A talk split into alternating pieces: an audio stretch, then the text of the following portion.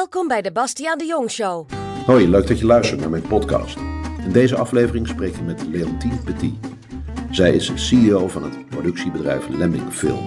Bekend van onder andere de televisieseries Hollands Hoop en Dunja en Daisy en de films Iep en Schemer. Leontine besloot op haar 21ste om filmproducent te worden. In de 7 jaar loondienst en 21 jaar ondernemerschap die daarop volgden, is ze nooit van dat pad afgeweken. Ze vertelt hoe haar ambities zich verhielden tot die van haar ouders en zussen en hoe familieleden elkaar zakelijk kunnen versterken en inspireren. Daarnaast hebben we het over de kwaliteit van de Nederlandse film, wat erin beter kan en waarom we nog een weg te gaan hebben. En ook over de dynamiek die nieuwe spelers in de markt brengen, zoals Netflix, Google, Amazon en KPN. Een open gesprek waarin het doorgaans onderbelichte vak van producent van alle kanten bekeken wordt. Veel luisterplezier. Hier is het gesprek met Leontine Petit. Leontine, welkom in mijn podcast. Ik wil het graag met je hebben over Lemming Film. En Lemming Film produceert film en televisie. Wat is eigenlijk de rol van de producent? De producent, wat in eerste instantie zeker de, de eigenaar van het bedrijf doen, die proberen een, eh, een reeks of een aantal filmprojecten op te starten. En dat kunnen ideeën zijn die komen rechtstreeks van schrijvers en regisseurs, maar dat kunnen ook ideeën zijn die wij zelf verzinnen. En dan als producent ben je dus bezig om die projecten van helemaal van een heel klein zaadje tot een bloem te laten groeien. Speel je daarmee ook een rol in het creatieve proces? Ik denk absoluut. Ja. Kijk, ik zou nooit zeggen dat ik de regisseur ben of ik de schrijver ben, want dat is niet mijn vak. Ik denk wel degelijk dat de driehoek producent, schrijver en regisseur, dat de producent ook een creatieve component is. En je moet eigenlijk, uh, de lol is van het producentschap, is om het talent in anderen te zien en die, dat optimaal naar boven te halen. En echt te kijken naar wat wil die ander, wat uh, heeft die ander zeg maar in zijn mars en waar kan ik dat zeg maar uh, bijsturen, aanvullen, zeggen van hé, hey, let eens op dit, let eens op dat. Misschien zus, misschien zo. En dus is die relatie, ik zeg ook wat vaak, het is een soort van kort huwelijk. Het project zelf is eigenlijk een, een huwelijk van kan soms wel vijf jaar of zes jaar hmm. duren. Dus je moet heel goed aan het begin van het traject weten van wil je überhaupt wel met die persoon voor die periode en voor het project getrouwd zijn. En dat betekent dus ook dat je de, de, de goede dingen met elkaar meemaakt, maar ook flink kan botsen. En moet kijken of je in staat bent om uit uh, situatie waar je het niet altijd met elkaar eens bent, of je daar weer positief uit kan komen. Zodanig dat je uiteindelijk met z'n tweeën of met z'n drieën, of hoe, het, hoe de grote groep ook is, kan zeggen van we hebben samen het beste product uh, gemaakt. Ik kan me voorstellen dat juist ook omdat die relatie en die samenwerking uh, en die kwaliteit van die samenwerking zo belangrijk is, dat je daarom ook eigenlijk op een gegeven moment een aantal mensen om je heen met wie je het fijn vindt om te werken, zodat je daarop kan terugvallen als je iets nieuws wil gaan doen omdat het natuurlijk een risico is dat als dat samenwerking niet goed ja, Ja, precies. Nou, dat, dat gebeurt wel. Is dat samenwerkingen niet optimaal uh, verlopen. En ik denk ook dat het te maken heeft met je wordt zelf ouder, de schrijvers en regisseurs worden ouder en die hebben ook weer andere behoeftes en andere ideeën. En uh, het blijft altijd wel een lastig spanningsveld. Maar ik denk uh, wat, wat ons heel erg geholpen heeft, dat we een aantal jaar geleden, al een jaar of tien geleden, begonnen zijn om met uh, jonge producenten te werken. En dat betekent op een gegeven moment dat voor mij de lol voor een heel groot gedeelte ook ligt om met hun samen te gaan werken. En dat zij weer met nieuwe regisseurs of nieuwe schrijvers aan komen zetten. En op die manier hou je heel erg de dynamiek in het bedrijf. Want als ik nu, zeg maar, anno 2016 na 21 jaar nog steeds met dezelfde schrijvers en regisseurs zou werken, dan zou in sommige gevallen, soms doe ik dat, maar in sommige gevallen ook een beetje het bedrijf misschien een beetje stilstaan. En nu blijft er dus de hele tijd een constante nieuwe energie. En voor ons werkt dat heel goed. En wat is de rol van fondsen en subsidies? Omdat ons taalgebied heel klein is, moet je in eerste instantie eh, toch voor een heel groot gedeelte kijken naar wat is de reden om deze film of televisieserie te maken voor de Nederlandse cultuur. Ja. want wij zitten dus meer in de cultuurkant dan in de puur commerciële kant. Dat wil niet zeggen dat je niet met cultuur ook geld kan verdienen. Dus de fondsen zijn heel erg belangrijk voor ons en ook ja, die hebben ook samen met ons hetzelfde doel. Namelijk, een van de doelen naast die, wat ik net zei, is dat wij vinden dat het zowel onderhoudend als uh, reflecterend of tot nadenken aanzettend of whatever je wil noemen zou moeten zijn vinden we ook heel belangrijk dat diversiteit zit in het product. Dus dat je zowel iets maakt voor hele kleine kinderen als voor volwassenen. Of in verschillende genres dingen maakt. En dat is ook een van de dingen die voor de fondsen heel belangrijk zijn. Is dat wil je zeg maar een levendig filmklimaat hebben in Nederland. Dan zal je voortdurend op zoek moeten blijven gaan naar die di- diversiteit. Want dat, dat is bijvoorbeeld een van de problemen die je bijvoorbeeld in Canada of in Amerika ziet. Dat het puur commercieel gedreven is. Dat in grote lijnen toch heel erg vaak eenheidsworsten op een gegeven moment maakt. Maar goed, fondsen, je je bent dan afhankelijk eigenlijk van een derde partij die ook weer beleid heeft en Ja. het beleid kan wijzigen. Ja, dat is, Eh, soms, dat is soms lastig. Maar het soort product dat wij maken valt natuurlijk heel erg binnen dat beleid. En je luistert ook naar het beleid. En soms maak je het beleid ook mee Ja. met hun. Want dan hè, dan- ze hebben ook vaak van die werkgroepen waar je met elkaar praat over wat is nou, eh, wat is nou belangrijk voor, eh, voor Nederland. Dus Ja, precies. het is niet zo dat het voor ons vaak uit de lucht komt vallen. Maar soms is het ontzettend lastig. Maar je had toch afgelopen jaren zoiets met die cv's, wat dan heel erg... eh, Maar dat is alweer tien jaar geleden hoor. ja, dat is, heel, dat is alweer heel lang geleden. Het is lang geleden afgeschaft. Ze hebben nu sinds twee jaar ongeveer hebben een nieuwe eh, regeling. Dat is, eh, dat is eigenlijk meer een tax shelter, een tax incentive-achtig iets. Dat betekent gewoon als jij zoveel geld uitgeeft in Nederland, dan krijg je zoveel geld terug. Dus het is, dat is een veel simpeler vorm dan die cv's. Ja. Oké, dus dat is hoe het werkt. En dan Lemming Film. Ja, jullie zijn, hebben een leidende rol, denk ik, hier in, in Nederland. Eh, Ja, ik denk opgebouwd dat we in die een van de- 21 jaar.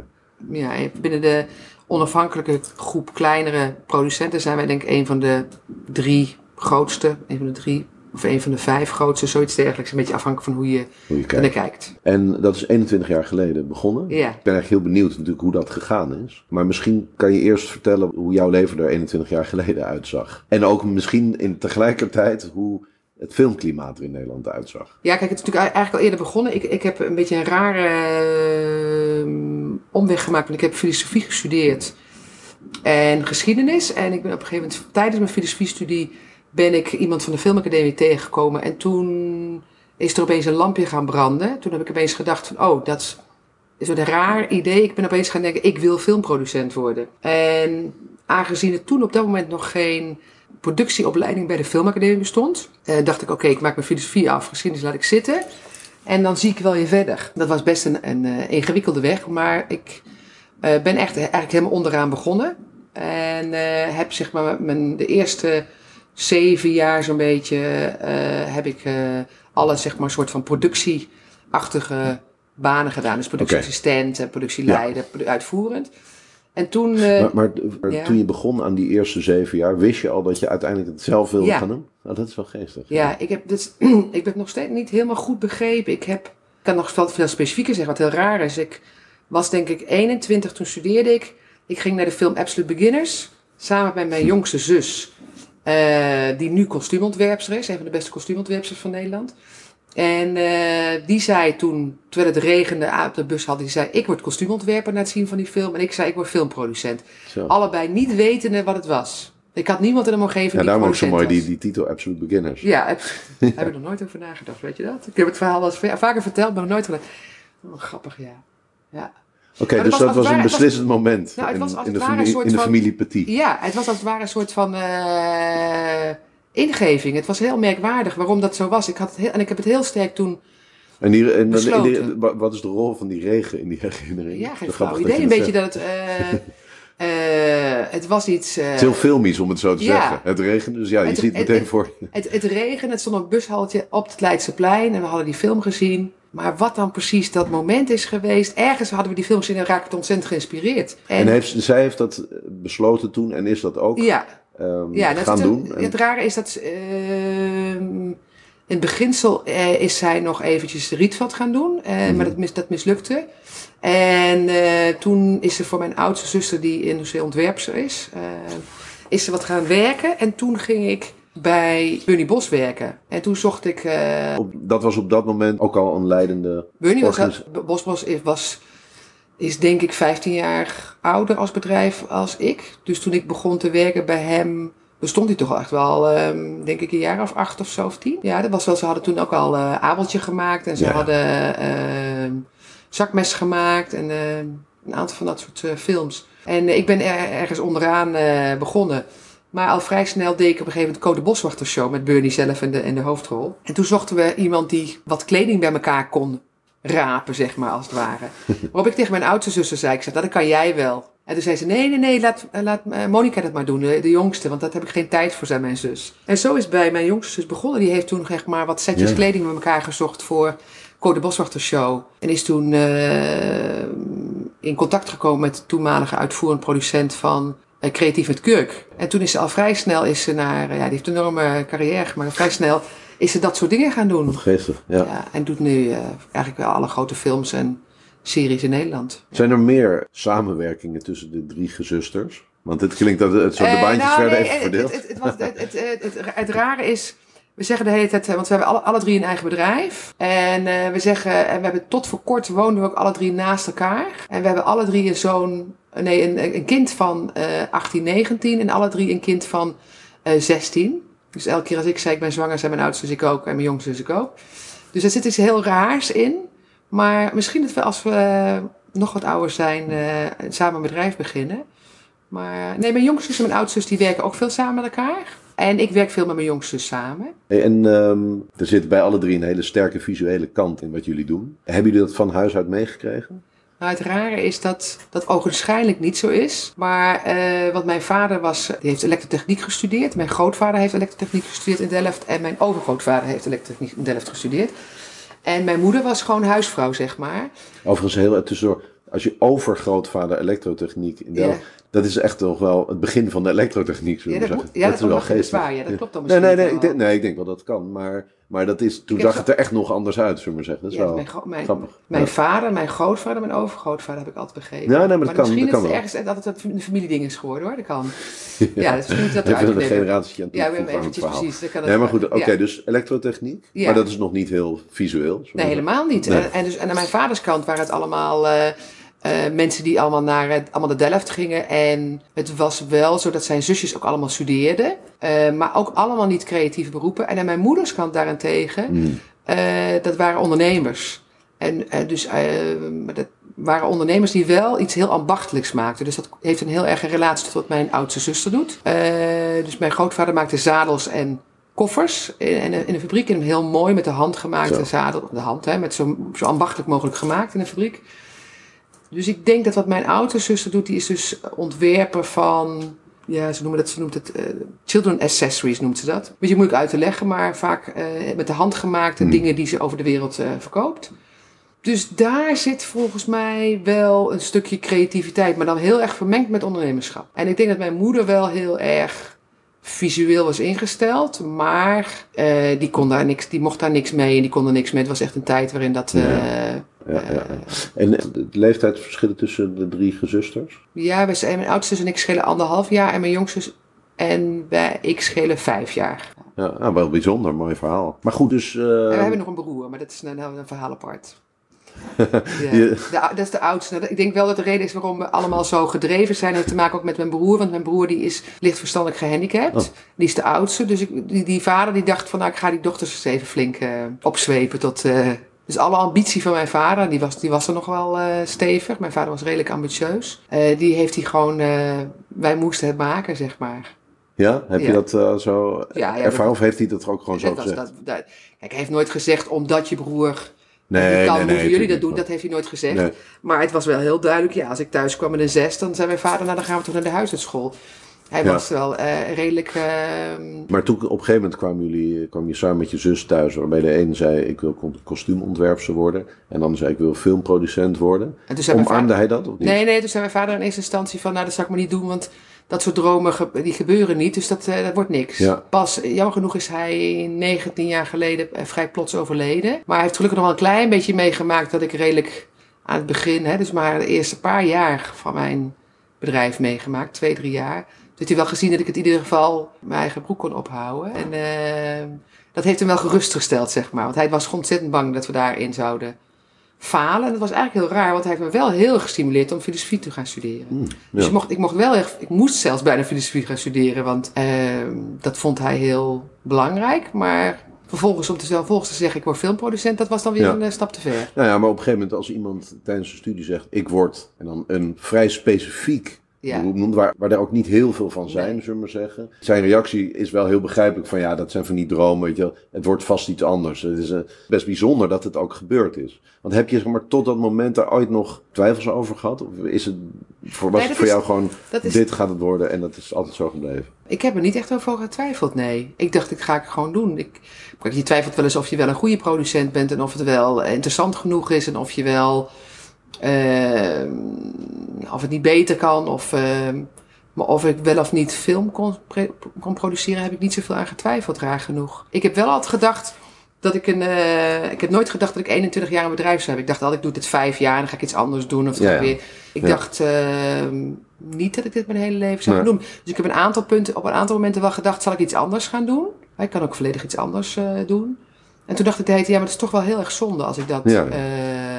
Eh, ga doen. Want dan gooi ik weg wat ik allemaal aan ervaring heb. En ik vind het leuker om op een gegeven moment te kijken, hoe kan ik die ervaring weer overdragen? En daar ben ik dus nu al een tijd mee bezig. En daar heb ik eigenlijk heel veel lol in. Om Ja. dus aan de ene kant zeg maar bezig zijn met nieuwe mensen opleiden. En aan de andere kant waar ik heel veel lol in heb is kijken naar nieuwe, nieuwe kansen, rare gebieden. eh, dus ik ben nu veel, veel met China bezig. Tijd. Om te kijken, ik heb een netwerk opgezet tussen China en Europa. Samen met een eh, Italiaan, met Cristiano Bortone, is een collega, Italiaanse collega van mij.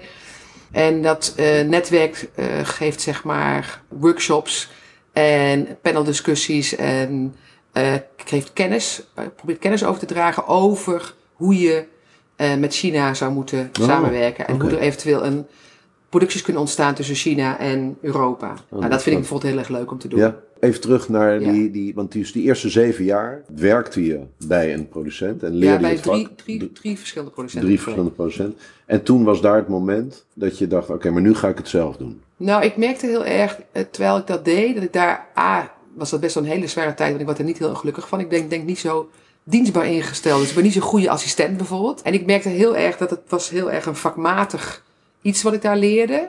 Eh, en dat ik mijn hoofd niet genoeg kon gebruiken. Dat ik dus zeg maar niet genoeg, Uitgedaagd werd. niet genoeg Of niet uitgedaagd genoeg werd. verantwoordelijkheid had. Ja, en, misschien. ik- en ik miste ook tegelijkertijd de opleiding om, eh, om die stap te maken. En toen had ik het geluk dat ik, eh, een van de mensen waar ik bij Bosbos gewerkt heb, die zei tegen mij, ik heb een Europese opleiding gedaan voor internationaal co-produceren. Mhm. Volgens mij is dat iets voor jou. Dat, die opleiding heet EAF en die is nu echt mega populair. Die was gelukkig toen nog niet zo heel groot. En eh, daar heb ik me bij aangemeld en daar ben ik toen aangenomen. En dat was echt, eh dat was wel 1995 was dat, dus, dus 21 jaar geleden. En ik heb heel vaak het idee, dat het leven daarvoor en het leven daarna. Dat was voor mij een enorm belangrijk moment. Want was dat iets wat fulltime was? Of had je in de avonduren... Nee, nee, dat was zeg maar een opleiding die deed je eh, drie keer een hele week. En dan was je zeg maar op kamp als het ware, met, Ja. allemaal, met allemaal internationale mensen uit heel Europa. En dan kreeg je zeg maar in een soort sneltreinvaart kreeg je dingen te leren over scriptontwikkeling, Ja. eh, goede packages maken, eh, de juiste projecten uitkiezen en dat soort dingen. Ja, en dat waren onderwerpen die je natuurlijk dan in die zeven jaar daarvoor al wel had gezien, maar nu met Ja. een heel ander perspectief. Met een heel eh, anders- dus veel meer, zeg maar, veel meer vanuit het echt creatief producentschap in plaats van eh dus, toen zag je, dus toen zag je pas eigenlijk het vak zoals je het had gewild. Ja, Maar wel knap altijd- dat je het dan zeven jaar hebt volgehouden. Ja, dat was ook best wel, dat was, vond Ja. ik best ook wel zwaar. Ik heb, was achteraf, als, je, als ik achteraf daarnaar kijk, was ik af en toe wel behoorlijk ongelukkig in die zeven jaar. Ook omdat ik soms in een omgeving terecht kwam van allemaal mensen die bijvoorbeeld allemaal spelletjes deden. En ik keek nooit televisie. Ik was, ik was eh, toch wel door mijn vader heel erg opgevoed dat televisie was niet echt eh, iets waar je naar keek. Niet verheffend. Nee, het was niet verheven. Je moest boeken lezen. Het was wel zo dat ik heel erg veel naar de film ging.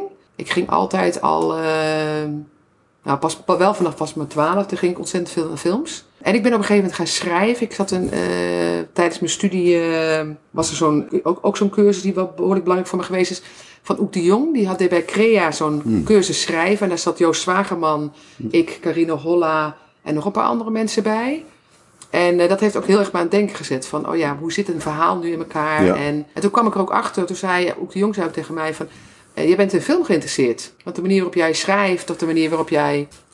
is heel filmisch. Is En toen heb ik mijn eh, toenmalige man ook ontmoet. Toen ik, eh, en die kon veel beter schrijven dan ik. Die is uiteindelijk schrijver ge- geworden, zeg maar, scenario schrijver en regisseur. En toen ben ik, heb ik zelf dat schrijven losgelaten. Ja. Maar dat waren allemaal momenten waarop ik erachter Ja. kwam van... hé, hey, film is eigenlijk iets wat mij heel erg boeit. En wat ik ook altijd had, is dat van alle kunstvormen wat ik mooi vind aan film, is dat het dat zowel geluid, muziek, beeld, verhaal, licht, alles, alles komt bij elkaar. Ja. En het is een vrij lastig vak, dus dan je kan niet zo snel verveeld raken. Ja. Maar oké, dus die opleiding, die Ja. Europese opleiding, Ja, dat, Die was echt cruciaal. die was cruciaal. Toen zag je het vak eigenlijk op de manier zoals je erover gedroomd had. Het kan dus toch. En besloot je toen om het voor jezelf te gaan doen? Op die manier? Ja, ja, ja dat, dat was wel het moment waarop ik dacht van... eh, Ja, je had het natuurlijk al besloten, al veel Nou, eerder, maar ik had was, je toen besloten dat dat het moment was? Ja, kennelijk. Ja. Ik heb het gewoon, dat betreft, omdat je, als je bij die opleiding gaat, dan moet je ook een project meenemen. En ik had een project, ik had een aantal makers, Walter Stokman en Jeroen Bergfens. eh, die, dat zijn documentairemakers. Ik ben begonnen met een lange documentaire. Eh, die hadden een documentaire gemaakt over Sly Stone tijdens hun eh, eindexamen in Breda. En die heb ik gewoon gebeld. Ik, ik kende hun niet. Ik, zei, ik belde hun op. Ik zei, ik vond zo'n leuke documentaire. Ik wil iets met jullie doen. En zij waren ook nog heel erg jong en, eh, en eh, zeg maar eh, enthousiast over dat soort dingen. Dus toen hebben we samen een plan bedacht. En dat was een hele ambitieuze documentaire, die heette Can't You Hear Me Singing? Over een aantal zwarte muzikanten in Amerika en de complexiteit van het zwart zijn en het proberen te maken in de muziek en Hmm. de goede en de, en, de, en de lastige kanten daarvan. Dat is op zich niet de beste film geworden, zowel niet van Walter als Jeroen als, als van, eh, van ons. Maar het was wel een heel goed project om, om mee te beginnen. En daar heb ik toen meteen geld van het fonds van gekregen. En eh, dat was echt mijn eerste grote project waar ik toen aan gewerkt heb. En Ja. toen eh, heb ik besloten, ik zeg, oh, als ik toch dat project ga doen, dan, dan begin ik maar dat bedrijfje. Ja, dus En begon met een project, ja. Ja, begon Ja. met een project. En, en ondertussen heb ik nog in de, in de... Eigenlijk verdiende ik mijn geld toen met... Even nadenken. Ik deed de televisieprogrammering van het Syndicate Festival als freelancer. En ik werkte eh, als assistent van eh, de eindredacteur van de VPRO Jeugd. Op een of andere manier was ik allemaal, al, kreeg ik allemaal dat soort baantjes. Opeens kreeg ik het aangeboden ook. Toen ik eenmaal zei van ik wil niet meer dat, die uitvoerende kant... zagen ook een aantal mensen in dat ik wel redactionele en, eh, en inhoudelijke kanten had Ja. waar ze mee wilden werken. Oké, dus het begon voor jou als ondernemer, laten we zeggen, de schoorsteen kon roken door middel van die freelance klussen Ja. die je deed. En je had een project waarmee. Ja, wat ik ook- En heette het toen eigenlijk ook al Lemming Film? Vanaf het begin? Ja, heel, al heel snel. Ik ben eerst een eenmanszaak begonnen, alleen maar. Al vrij snel is mijn takenpartner Joost de Vries, die, die afgelopen april afscheid heeft genomen van Lemming Film, Mhm. eh, is erbij gekomen. Ik heb op een gegeven moment hem gevraagd, want ik zei, ja, we kunnen zo goed met elkaar samenwerken. Want we hadden een aantal producties als uitvoerend producent samen gedaan. En toen zei ik van, ja, waarom beginnen we niet samen een bedrijf? En hij was meer de zakelijke kant en ik was meer de creatieve kant. En dat wilde niet zeggen dat hij geen verstand had van het creatieve of ik geen verstand van het zakelijke. Maar in principe hadden we de rollen best wel gescheiden. En dat heeft eigenlijk, eh, we hebben 28 jaar, nee, 25 jaar met elkaar samengewerkt. En dat werkte eigenlijk hartstikke goed. Mag ik vragen waarom het nu gestopt is? Dat is een vraag die ik zelf ook wel eens af en toe eh, aan mezelf vraag. Ik denk omdat hij, hij wordt dit jaar 50 en het was ongeveer een jaar geleden dat hij tegen mij zei: Ik wil iets anders in mijn leven. Hij wilde het roer omgooien. Hij dacht: van ik heb, eh, Het is wel mooi geweest. Ik heb het eh, zo lang gedaan. Ik heb een mooi bedrijf neergezet en ik wil nu iets anders in mijn leven. Ja. Als ik dat nog wil doen, moet ik het nu doen. Fair enough. Ja, precies. Maar dat was wel weer zo'n moment dat je gaat denken als ondernemer: ga ik het nou dan alleen doen? Want dat had ik nog nooit gedaan.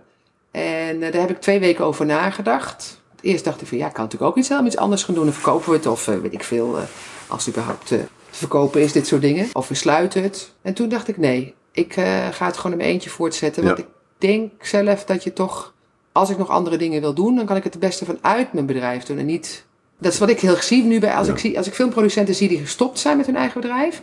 En die worden dan zeg maar adviseur of die gaan lesgeven of enzovoort.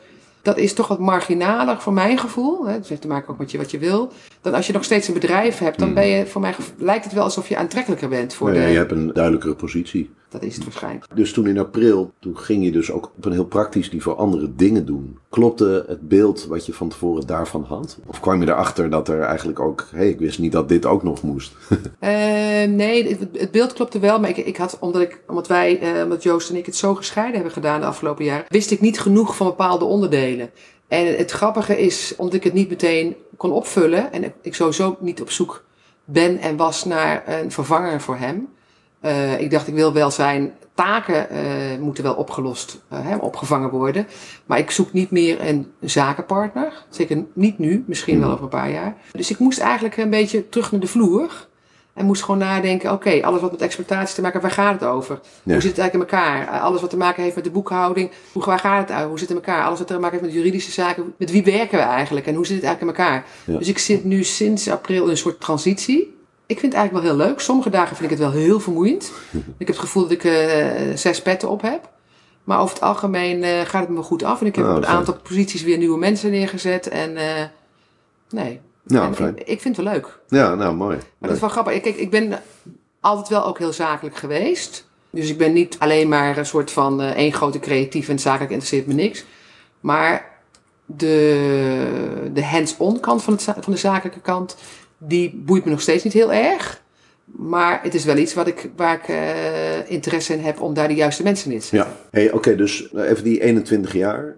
Zijn er nog bepaalde echte zeg maar, milestones geweest? Of is, is het heel geleidelijk, stapje voor stapje, groeit tot wat het nu is? Zijn er nog nou, sprake van, van doorbraken of misschien ook wel van mindere tijden die je gekend hebt? Ik heb het gevoel dat we altijd heel traag maar gestaag zijn gegroeid. Er zijn bedrijven die opeens één film hebben en dan helemaal uh, sky high gaan enzovoort. Dat hebben wij nooit zo gehad. Soms denk ik wel eens, dat is een beetje saai. Hè? Want we hebben, dus wat, wat wel een milestone is in negatieve zin, maar ook tegelijkertijd heel een grote les is geweest, onze eerste speelfilm. Hè? Dus we hebben een tijd lang heel veel documentaires gedaan, de eerste vier, vijf jaar. En toen zijn we overgegaan op fictie, dus dat is een jaar of 15, 16 ja. geleden. Heel even, die eerste vier, vijf jaar, deed toen ook wel tv erbij? Ja, maar ik deed minder televisie, geen televisiedrama. Nee, ik deed, echt, daarvoor deed ik bijna allemaal televisiedocumentaires. Oké, dus documentaires is mee begonnen? Ja, dus non-fictie mee begonnen. Ja. En toen, na een jaar of vier, vijf, misschien nog wat sneller hoor, hebben we onze eerste speelfilm gemaakt. Ja. Uh, dat was met Dana Negostan en Warner Bros. die bracht het uit. En de salesagent van Lars von Trier die kwam uit Denemarken om te hm. zeggen hoe geweldig ik die vond. Want hij ging het wel even internationaal verkopen. Want welke film was dat? Total Los was dat. Met uh, Frankie Ribbens en Roef Ragas die inmiddels helaas overleden is. En Jorik van Wageningen. Mm En die film die flopte echt meteen. En die kreeg enorm slechte kritieken. En dat was voor Dana, mij en Marco. Want Marco van Geffen, dus, uh, waar ik het net over had, mijn, mijn ex-man inmiddels. Die had het geschreven. En het was voor ons alle drie een enorme shock. Want dat hadden we totaal niet zien aankomen. En wat ik daarvan geleerd heb is A, is dat je dus nooit ook niet eh, bij, hè, niet naar Barna moet geloven, niet naar de salesagent van Lars van Trier. Je moet toch op het moment in het proces van het maken, moet je momenten inbouwen waarop je het gaat toetsen naar je gewone publiek. En dat hadden we niet gedaan, want we hadden dus vertrouwd op al die... Uh... Ja, en ook op je, je wordt zelf verliefd op het idee. En je wordt zelf verliefd op het idee. En we hadden vertrouwd op die grote jongens die allemaal zeiden hoe geweldig het was en hoe geweldig wij waren. En we hadden te weinig getoetst met van wat vindt het publiek nou en waar, waar zit dat publiek? En wie is dat publiek dan? En we hadden Kersens Kramer, het reclamebureau, die had de, de campagne gemaakt. Veel mensen kennen, de, kennen de, de bizarre poster nog wel, maar kennen niet meer, wisten niet dat het überhaupt een film was. We hadden een soort nieuwe, verfrissende campagne bedacht. Maar die was zo verfrissend dat niemand wist dat het überhaupt een film was. Dus, um, Leuk, dat was middel zou ik wel eens willen gebruiken. Precies. los. Zo, zoiets, ja, precies. Maar goed, daar heb ik er wel heel veel van geleerd. Dat ik dacht van, ah, dit moet me nooit meer overkomen. Ik wil gewoon geen, uh, ik wil gewoon geen mislukkingen maken. En, uh, nog heel even trouwens, hoe kijk je nu naar die film? Vind je het eigenlijk nog steeds een goede film? Of zeg je van, nee, eigenlijk is het ook niet zo Nee, ik, ik, denk al, al vrij snel zag ik in waar de... Waar de zit. Ik denk nog steeds dat het een, een bijzonder verhaal is. En ik denk dat daarna enorme... Uh, sowieso een hele goede regisseur is. En ook heel, daar in die film al laat zien hoe sterk ze kan regisseren, hoe goed ze acteurs kan regisseren, hoe sterk haar visualisatie van het verhaal is. Maar we hebben met z'n allen, met z'n drieën, hebben we te weinig gedacht. Wie wil het in godsnaam zien? Ja, Wij dachten dat is voor jongeren. Dat is heel vaak de fout. We dachten het is voor jongeren, maar het was helemaal geen verhaal voor jongeren. Het was veel te, veel te somber en te weinig. Uh, ja. Uh, ja. maar wat ik interessant vind, wat je zegt, is dat je daar eigenlijk geleerd hebt van ja, je moet het ook tijdens het creëren toetsen met je publiek. Ja. En ook kijken of dat publiek wat je voor ogen had wel daadwerkelijk jouw publiek is voor die film. Maar eigenlijk uh, dat toetsen. Ik spreek veel mensen die met start-ups bezig zijn, vaak ook internet-startups. En eigenlijk is nu, bestaat het inzicht dat je altijd moet toetsen tijdens het creëren. Hmm. En al bij het eerste kleine dingetje wat je hebt bedacht of, of kan laten zien aan iemand, dat je echt op een hele eerlijke manier dat moet toetsen. Want dat is natuurlijk het moeilijke ook. Mm Ik bedoel, uh, ook vaak in marktonderzoek wordt mm vaak gewoon alleen maar misbruikt om je idee intern te verkopen aan iemand anders of Ja. aan een financier. Terwijl je het natuurlijk eigenlijk moet gebruiken om echt te leren wat, Ja. wat, wat mensen ervan vinden. Dus die parallel vind ik wel heel geestig. Kan je vertellen, gewoon heel praktisch, hoe doe je dat? Nou ja, kijk, het lastige wel met het, dat toetsen en eh, waar je bij, bij film natuurlijk ontzettend moet op, oppassen, is dat je, ehm, als je te veel toetst, dan ben je alleen maar iets aan het maken waar, waar zogenaamd je publiek graag wil hebben. Ja. En dan krijg je dus allemaal een Snake Week of je krijgt... En soms hebben die ook heel erg bestaansrecht. Hè. Kijk bijvoorbeeld naar Rokjesdag of zo. Dat heeft, hè, ken ik wel. Een heleboel mensen willen graag die film zien. Dus dat vind ik het knappe van Johan Nijhuis. Die voelt dat heel erg goed aan. Aangezien wij niet zo'n product maken, moet je dus ook wel dicht bij jezelf blijven. En snappen ongeveer wat op dat moment... Je moet het aanvullen aan de ene kant. Ja. Aan de andere kant wat je kan doen... Is dat je zeg maar op het moment dat de film min of meer af is, dan ga je natuurlijk gewoon testen. Maar als je daarvoor al wil doen, dan moet je, daarvoor begint het al natuurlijk. Omdat er zoveel partijen zijn die zich met het product bemoeien. Dat zijn ook allemaal toetsmomenten. Dus wij worden eigenlijk al heel veel getoetst. We krijgen geen geld van het filmfonds zonder dat er een, vaak een commissie of twee of drie mensen erover zich gebogen hebben. Dan vervolgens is er een distributeur die zegt of die, of die vindt dat er wel een markt voor is. Dan vervolgens eh, is er, kijk bijvoorbeeld, we maken nu de film Dikketje Dap. Ja. Naar het gedichtje van, eh, of het versje van eh, Annie M. Gesmied. Ja. Dan zegt dus de ene helft van de markt zegt ja, voor zulke kleine kinderen is er momenteel helemaal geen markt. Eh, of te weinig. En de andere zegt van, ah ja, maar het is wel het, het versje van Dikketje Dap. Oh, sorry, versje van Annie M. Gesmied. En het is zo'n bekend eh, versje. En als je het goed doet, en je hebt een spre- we hebben dan een sprekende giraf met een klein, klein jongetje, dan zal op zich die doelgroep wel ongeveer zo en zo groot zijn. Nou ja, daar zit je dan een beetje tussenin. En dan Ja. eh, kijk je gewoon zelf van, nou, wat is het risico dat ik daarin kan en wil nemen. Maar dat er een markt is voor Dikketje Dap, dat Ja. is er wel. Nee, maar in dit voorbeeld kan ik me voorstellen dat die film die je nu eigenlijk heel kort omschrijft, dat of dat de moeite waard is, heel erg afhankelijk is van hoe je het doet. Ja, dat is natuurlijk altijd wel zo. ja, ja, ja. Maar, maar helemaal bij zoiets. Omdat je natuurlijk van een klein versje iets heel groots maakt. En ik kan me voorstellen dat, dat, dat je dat op een hele goede manier kan doen. Maar ik kan me ook voorstellen dat bijvoorbeeld jij Mhm. dat op een manier doet die je zelf heel goed vindt. En dat je verliefd bent geworden op dat idee. Maar dat maar, toets je dat dan?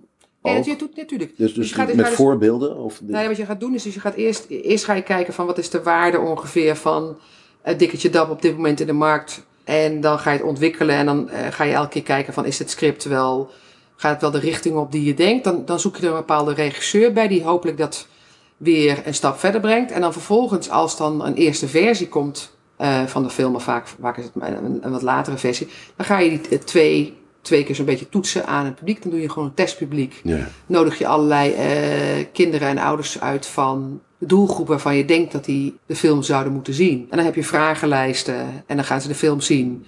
En dan vullen ze die vragenlijsten in en dan ga je via een bepaald soort, bepaalde Maar- soort analyse maak je daar eh, een, een Maar kan je dan nog veel veranderen? Want, want als Ja, het ja, dan... ja, ja, ja. ja oké. Maar je kan niet opeens eh, de, giraf, de, giraf, de, de, de de giraf eruit snijden. dus het is, een, het is wel een heel... eh, dat heb ik nooit geweten. Interessant. Dat- Ja, dat- dat, dat, dat, ja. is allemaal. eh testscreenings doen ze heel veel. En ik heb eigenlijk, ik heb eigenlijk eh, sinds, die, sinds die ene grote eh, mislukking. heb ik bijna nooit meer een film zonder testscreening in Ja, de ja. bioscoop gebracht. Oké, film en ook tv. TV testen we minder, grappig genoeg. Maar dat doen we ook wel. Maar dat wordt minder. het risico misschien ook iets minder groot, gewoon financieel? Of niet? Nee, het heeft niet zoveel met risico te maken. Want je wil graag natuurlijk dat ook televisieseries ook gewoon slagen. Neem je grotere creatieve risico's bij film of bij tv? Nou, gewoon- langzamerhand is televisie zo groot geworden. En is eigenlijk de, de, de televisie is eigenlijk de, de, nieuwe, de nieuwe filmspeeltuin geworden. Dus het ligt er een beetje aan hoe groot je project is. Ja, dus eigenlijk de grens tussen televisie en film vervaagt. Het begint langzamerhand, Ja. nou ja, Nou, het brengt me meteen op het volgende, want ik moet voortmaken, want jij Ja, moet naar je ja, volgende afspraak. Maar wat ik heel opvallend vind is wat Netflix doet met film en televisie, consumptie. Dus fenomenaal hoe het gedrag verandert. Dat Ja. zie ik in ieder geval om me heen. ja. Maar echt op een fundamentele manier. Maar heeft dat ook impact op jullie? Hoe je bezig bent met film en televisie en het soort Het, le- productie? het leuke is, kijk, ik was sowieso al als kind van 12, dat is een van de dingen waarom ik eh, televisie zo stom vond. Even los van het feit dat mijn vader het ontmoedigde. Als kind van 12 dacht ik al de hele tijd van, waarom moet ik televisie kijken op een bepaald tijdstip? Ik irriteerde me daar verschrikkelijk aan. Ik wilde heel graag gewoon zelf kunnen bepalen wanneer ik wat kon kijken. Dus ik ben ontzettend blij met dat fenomeen. En ik vind ook dat collectief kijken is alleen maar voor mij eh, interessant op bepaalde momenten. Dus een voetbalwedstrijd of Ja. Olympische Spelen of dat soort dingen. En voor de rest vind ik het totaal niet interessant. Dus die bibliotheek waar je uit kan. eh. Kijk, wat voor ons nu als producenten. Het is een beetje een gouden tijd als het gaat om televisieseries. Omdat er gewoon veel meer geld in de markt zijn. Omdat al die eh, Netflix en KPN enzovoort, Amazon en Google geloof ik nu ook. Die gaan allemaal concurreren met elkaar. Dus er is Ja. voor ons ontzettend veel Perfect. geld in de markt. Dan moeten we alleen zorgen dat we zo'n goed product maken dat we ook dat zij iets van ons willen hebben. Dus we hebben nu net het geluk dat KPN een hele grote serie van ons gekocht heeft. Dus we gaan de derde serie van KPN eh, maken nu. Dat is voor ons een geweldige uitdaging. En ondertussen zijn we met, eh, ben ik met een hele grote serie bezig met de NDR, met de Duitse, met een Duitse omroep. Dus daar zit opeens veel meer beweging in. Dus het is zowel artistiek als zakelijk gezien een hele leuke markt om in te bewegen. Fantastisch. Wat is de film waar je het meest trots op bent van Lemming Film? Of die je zelf het mooist vindt? Best gelukt Dat vindt? vind ik altijd heel ingewikkeld. Eh, want eigenlijk zijn, al, zijn het bijna al mijn, al mijn kinderen, zeg maar. En Ja. sommige denk ik van, oh ja, daar hebben we toch iets laten liggen of is iets niet helemaal goed gelukt. Maar ik heb er niet echt één. ah, ik, bedoel, ik, ben, ik ben heel trots op de film die Martin Koolhoven gemaakt heeft. Knetter bijvoorbeeld. Vond ik echt Ja. een hele, hele mooie film geworden. Maar ik vind ook, hè, recentelijk hebben we De Lobster gemaakt. Als co-producent ben ik heel erg blij mee. Maar ik vind ook eh, Bloed, Zweet en Tranen, wat Diederik Koopel van elkaar heeft gekregen, ben ik ook super trots op.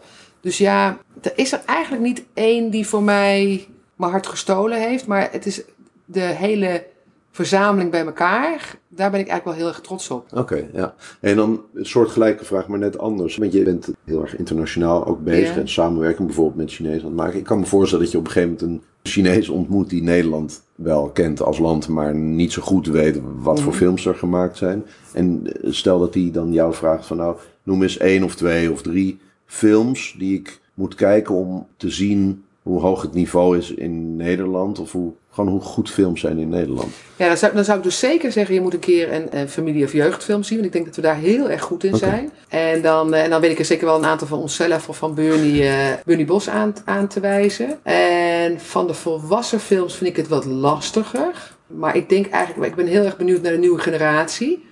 Hè, dus bijvoorbeeld naar een nieuwe film van Daan Bakker, naar eh, Michiel ten Hoor, naar... Maar ook wat, eh, we werken nu met David Verbeek. Ik vind David Verbeek een hele interessante eh, maker. Maar is er dan dus ik zit eigenlijk meer een beetje in die. zeg Maar aan de mainstream kant vind ik het wat lastiger. Ik, het is Hmm. niet zo dat ik denk van, oh, die vind ik nou echt subliem. Natuurlijk, kijk, je kan teruggaan van, eh, eh, naar eh, Paul Verhoeven of Ja. naar Alex van Wammerdam of zo. Of, Dat is ook natuurlijk ook echt een andere tijd. ja, dat, dat, precies. Nou, terwijl Alex van Wammerdam maakt nog steeds, nog steeds films. Maar ik zou zeker inderdaad een, een film van Alex van Wammerdam laten zien, omdat het natuurlijk typisch, typisch Nederlands is.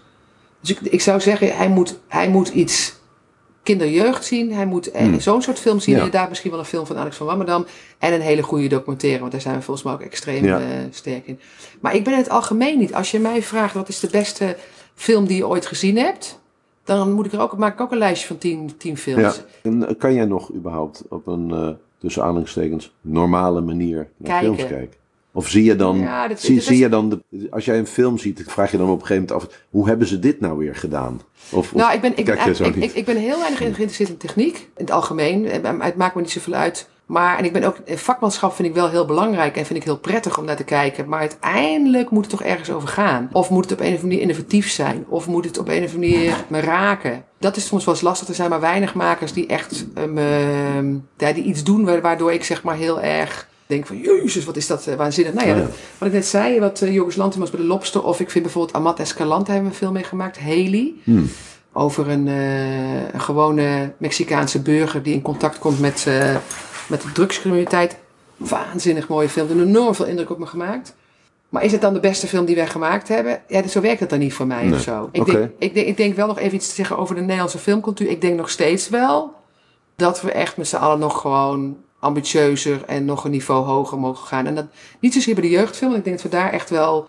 Dat kan ook natuurlijk altijd nog weer beter. Maar ik denk dat we daar wel behoorlijk veel parels hebben gemaakt. Hmm. Maar bij de volwassen film kan het gewoon nog steeds beter. En is het nog steeds heel zoeken naar hoe komen we op dat niveau dat, Ja, want dat we eens- internationaal kunnen meespelen. Dan wat componenten die beter kunnen, is, hebben het dan over script, of hebben het over productie, of over acteurs? Wat, wat, wat Nou, ik, zijn ik, de dat, nog, componenten? nog, nogmaals, ik denk dat, dat eh, acteurs zijn hartstikke goed volgens mij. We hebben echt waanzinnig goede Nederlandse acteurs volgens Ja, mij. daar daar ligt het niet aan. Maar Daar ligt het niet aan, volgens af? mij. Het ligt volgens mij ook niet aan de kwaliteit van de crew.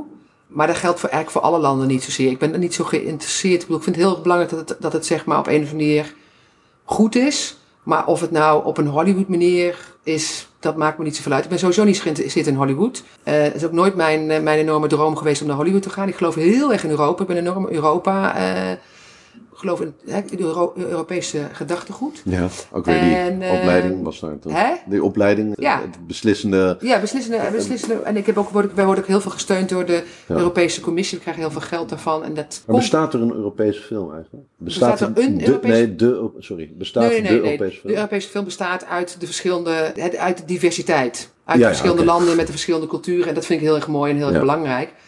En het Europese gedachtegoed, die, dat bestaat volgens mij wel als je dat Ja. afzet tegen, tegen, eh, tegen Amerika. Wat wilde ik daar nou ook weer over zeggen? Ja, we, we zijn iets uitgeweken. Ja, ik zit even na te denken over Europese film. Bestaat er zoiets als een Europese film, vroeg je? Oh nee, waar ligt het aan? Ik denk dat we nog steeds dat we, het- dat we de, de eigenheid van iemand. Hè, kijk, Nederland is natuurlijk heel veel van doe maar gewoon, dan doe je al gek genoeg. Mhm.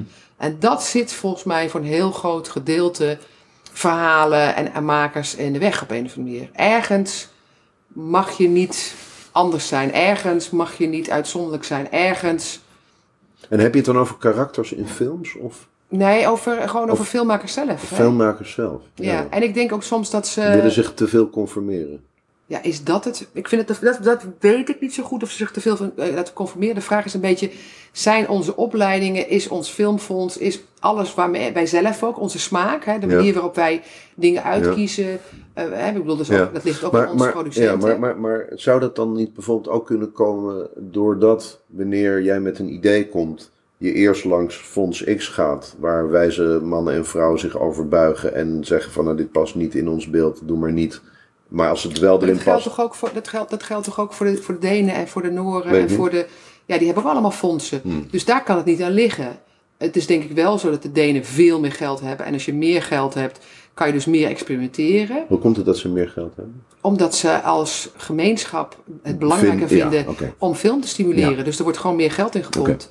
En, eh, en dat geldt voor Noeren ook. En dan zie je dus als je. Maar die mechanismes van die fondsen en de manier waarop ze criteria hanteren, die zijn gelijk. Nou, ze zijn niet allemaal gelijk. Maar ik denk, dat, ik denk dus als je meer geld hebt, kan je dus ook meer risico's nemen. En zul je meer gaan experimenteren. En wordt die, de hele, het hele omveld wordt groter. Dus er ontstaan ook, ontstaan ook meer parels als het ware. Maar het is een beetje eh, dat hele rendementsdenken wat wij in Nederland als zodanig hebben. Hè. Dus aan de ene kant is dat doe maar gewoon, doe je gek genoeg.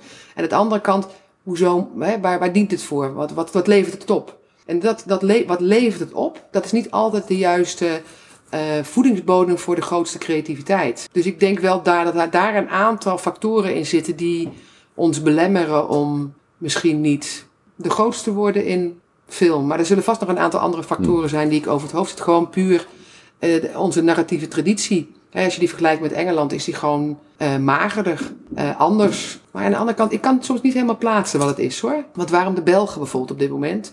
Die hebben helemaal niet zoveel geld als de Denen. En hebben toch, maken, toch als het aan de volwassen kant ligt, vaak betere films dan, dan wij hier in Nederland. Oké. Maar ook daar, ook daar is misschien ook wel weer geweest. Er is een tech shelter geweest die heel lucratief is.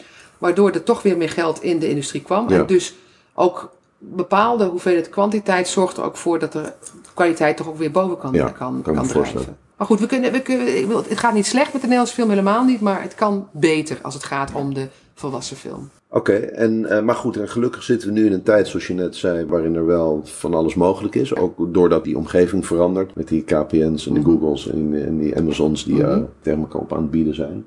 En jij bent sinds april weer een nieuwe fase ingegaan Ja. met Lemming Film. En dat bevalt goed, begrijp Ja. ik van je. Ja, Dus eigenlijk alles staat klaar om weer een volgende stap te maken met Lemming Film.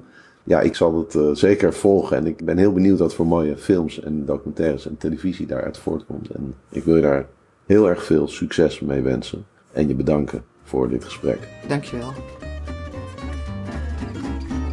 Bedankt voor het luisteren naar de Bastiaan de Jong Show met Leontien Petit. Ik hoop dat je het leuk vond en misschien wel wil delen op social media. Dank je wel alvast. Tot de volgende aflevering.